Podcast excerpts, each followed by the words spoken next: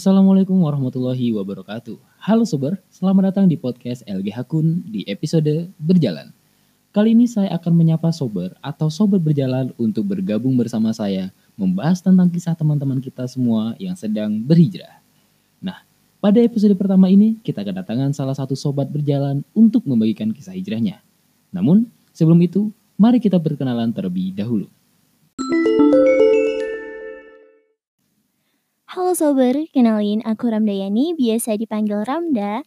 Jadi di sini aku mau ngebagiin sedikit kisah perjalanan hijrahku. Semoga cerita ini bisa memberikan manfaat buat sober semua.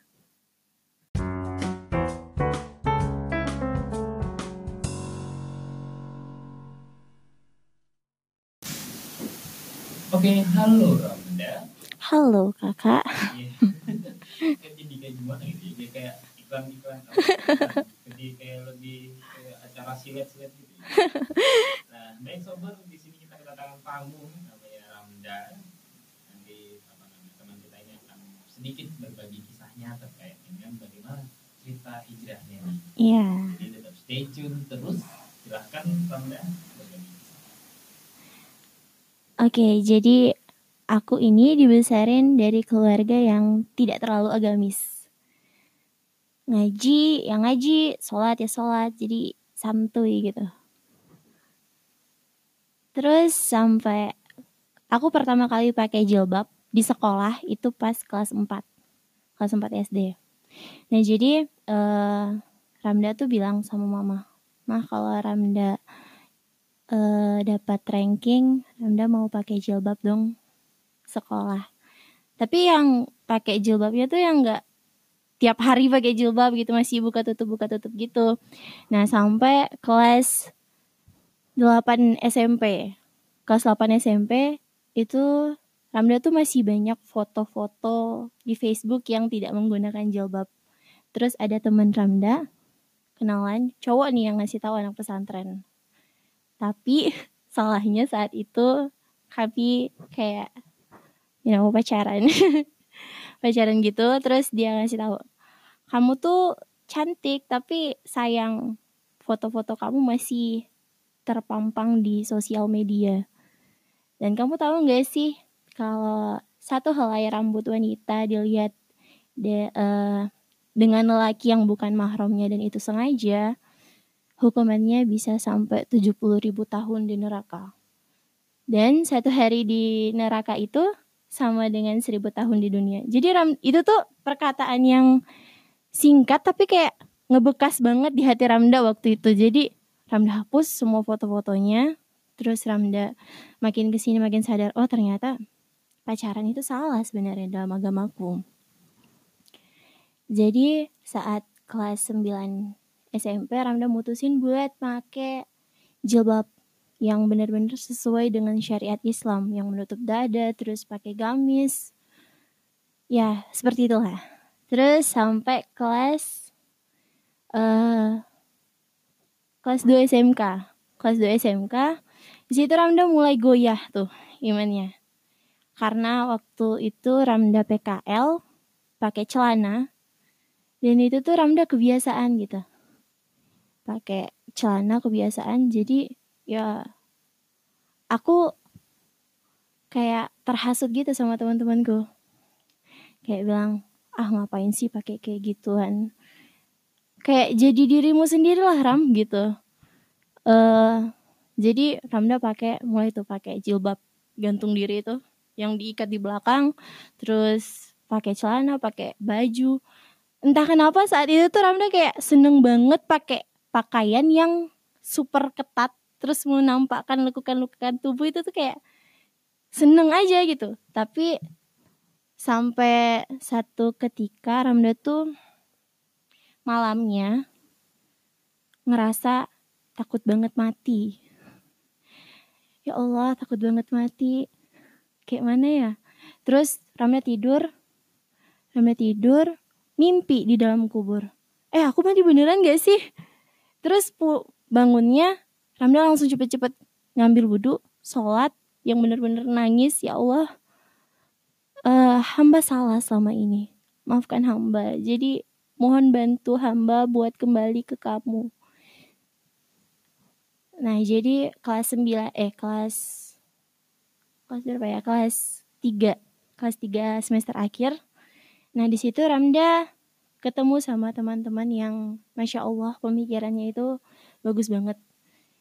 Jadi mulai dari sana Ramda tuh mikir kebermanfaatan Ramda sebagai seorang insan itu seperti apa.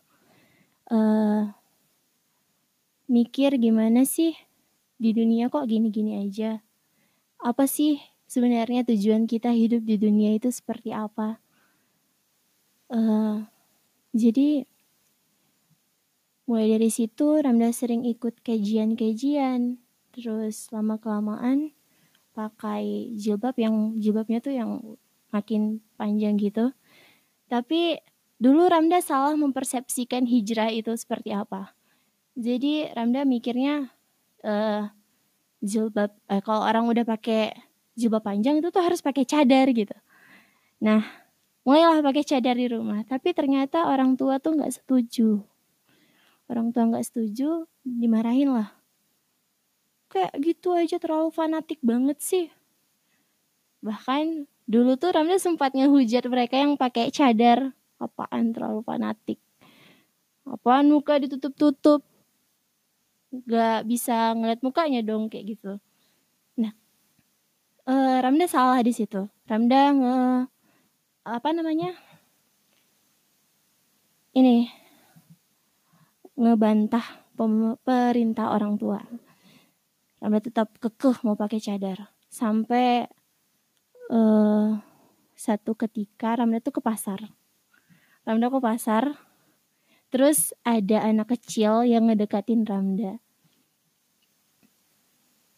Wah lucu banget, mamanya di mana dek? Anak kecilnya nunjuk itu, terus mamanya datang samperin. Ditarik lah anaknya, apaan sih dekat-dekat anak saya gitu. Terus saya pulang, nangis, nangis yang benar-benar nangis kayak itu suatu kejadian yang biasa aja tapi sakit banget gitu. Kok dia sampai segitunya? Emang aku kenapa dengan pakaianku seperti ini? Mulailah di situ tuh buka lagi. Ngebuka ngebuka terus ya Ramda tuh kayak hijrahnya tuh kayak naik turun. Habis itu gagal hijrah yang benar-benar gagal gitu. Buat kembali seperti semula tapi ternyata uh, diri Ramda tuh nggak bisa kayak gitu. Teman-teman Ramda selalu bilang jadilah dirimu sendiri. Oke okay, tapi aku dengan yang kayak gini nggak nemuin diri aku. Ternyata diri Ramda tuh yang kayak gini loh. Ya jadi mulai nge nge-upgrade lagi imannya ngecas ikut kajian terus pilih-pilih teman yang bisa membuat Ramda jadi seperti sekarang ini. Jadi uh, kalau katanya Ustadz Handy Body itu hijrah itu berproses dan berprogres ya. jangan jangan dibikin stres, jalani aja sampai beres biar sukses gitu. Udah. Oke. Jadi uh,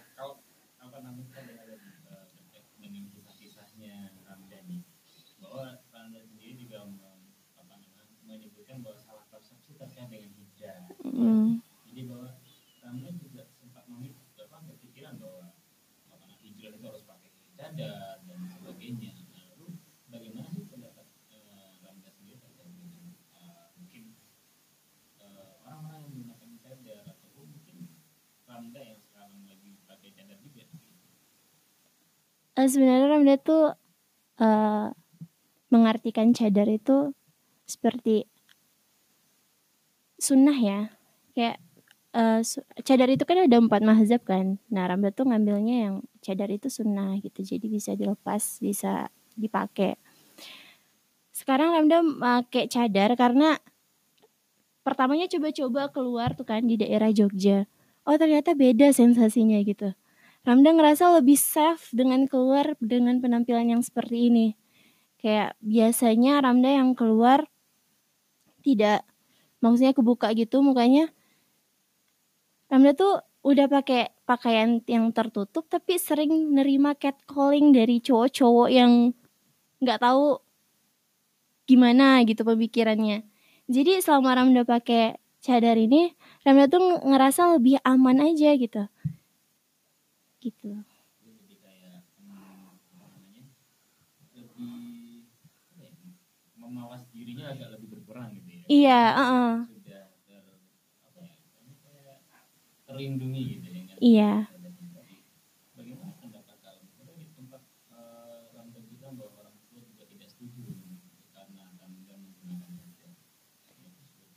Nah sebelum Ramda mutusin buat pakai cadar nih, Ramda sempat nanya lagi ke mama.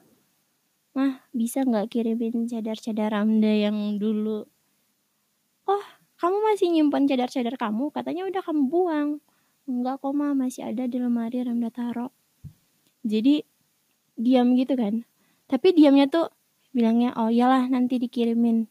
Oh, Ramda tuh ngertiinnya, oh berarti aku udah diizinin dong pakai cadar sama mama. Jadi ya itulah karena aku juga didukung sama teman-teman aku yang baiknya masya Allah katanya kalau Ramda ngerasa nyaman kayak gitu ya silahkan gitu.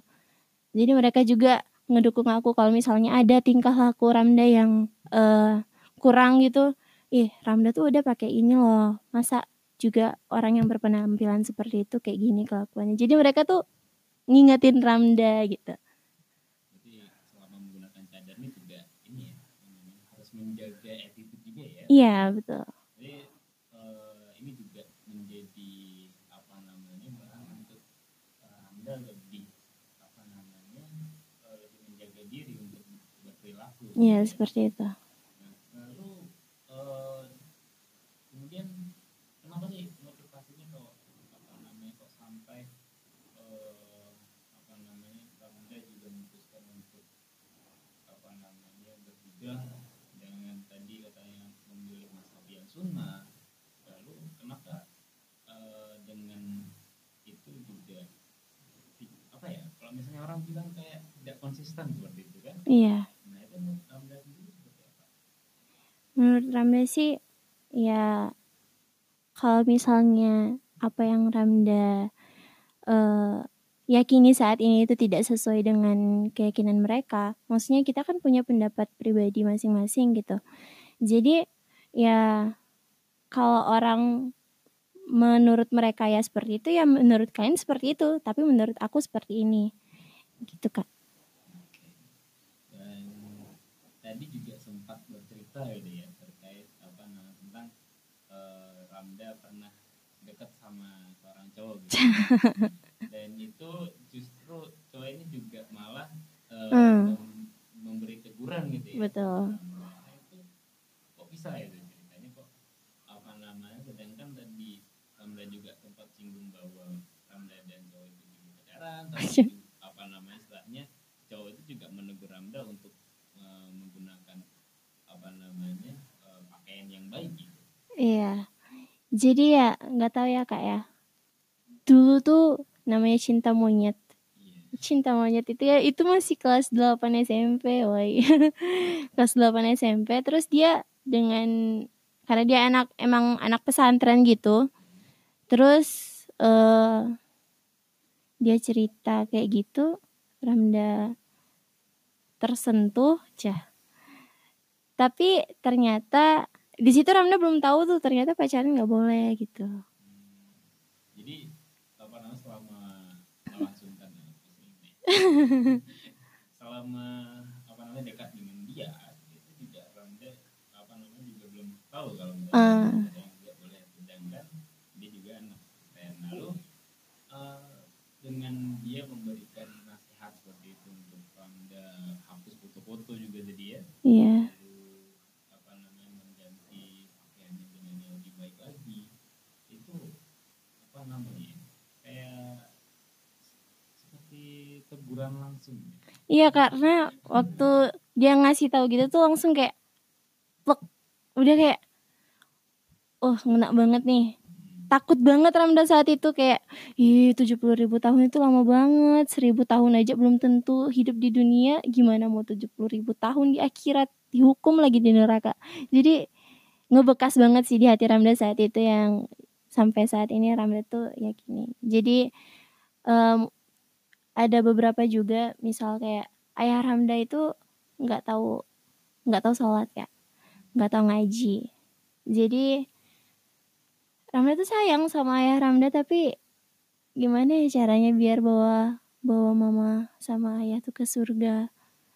Jadi Ramda masih mau berkumpul dengan orang-orang yang Ramda cintai di dunia di akhirat nanti. Jadi ya insya Allah dengan Ramda yang seperti ini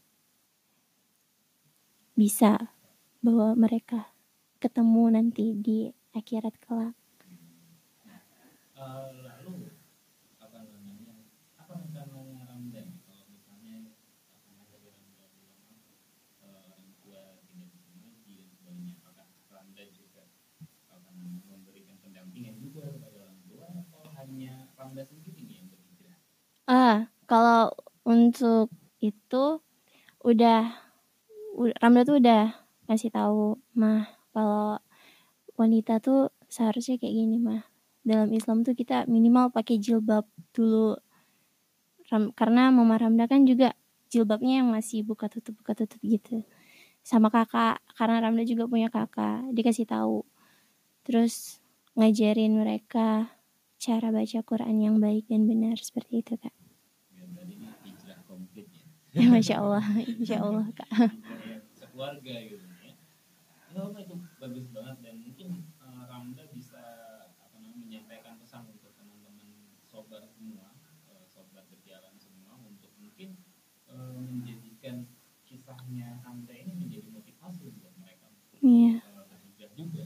Mungkin ada yang yang bisa Ramda Eh jadi sob jadi sobar kalau misalnya kalian dapat hidayah yang secara karena hidayah itu tuh sebenarnya selalu datang sama kita, cuman kita aja yang nggak pernah ngejemput hidayah itu. Jadi kalau misalnya kalian udah dapat nih hidayahnya, pertahankan. Karena iman itu naik turun. Iman itu naik turun, jadi harus selalu dicas. Bahkan itu tuh kayak HP kan, kayak HP kalau misalnya baterainya low harus dicas lagi. Iman tuh kayak gitu. Eh, jadi ya buat teman-teman sober semangat karena kita itu hidup nggak selamanya di dunia. Di dunia itu cuman seiprit doang gitu kayak sebentar banget. Yang kekal itu nanti di akhirat. Jadi buat kalian yang mutusin buat berhijrah naik eh, jatuh bangunnya tuh pasti ada. Kalau jatuh bangun lagi, jatuh bangun lagi sampai kalian nggak bakalan jatuh.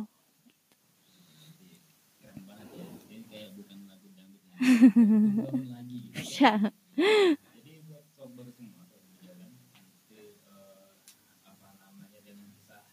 ini semoga teman-teman semua juga dapat mengambil hikmahnya dan Hmm. menjadikan pelajaran juga buat teman-teman semua dan terima kasih banyak kepada Ramda yang sudah berbagi kisahnya ini. Ya, kasih juga kak. Eh, buat teman-teman juga yang ingin apa namanya berbagi kisahnya juga ini bisa eh, menghubungi saya nanti di apa namanya podcast.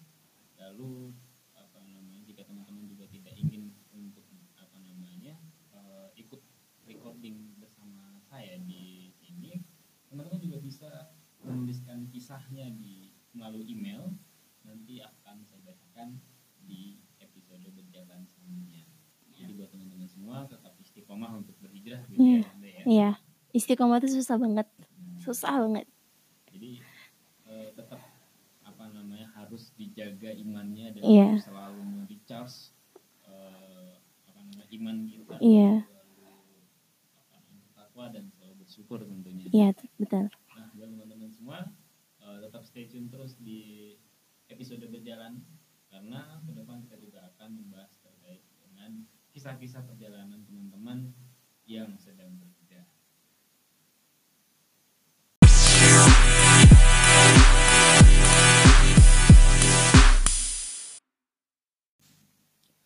Oke baiklah sober semua, itulah tadi kisah yang telah disampaikan oleh Ramda terkait dengan perjalanan hijrahnya. Dan buat teman-teman semua yang punya kisah menarik juga terkait dengan uh, kisah hijrahnya selama ini, bisa teman-teman sampaikan ataupun uh, mengirimkan kisahnya, ceritanya melalui email yang nanti akan saya bacakan di episode berjalan berikutnya. Jadi tetap stay tune terus di episode berjalan. Saya LGH Kun pamit undur diri. Wassalamualaikum warahmatullahi wabarakatuh.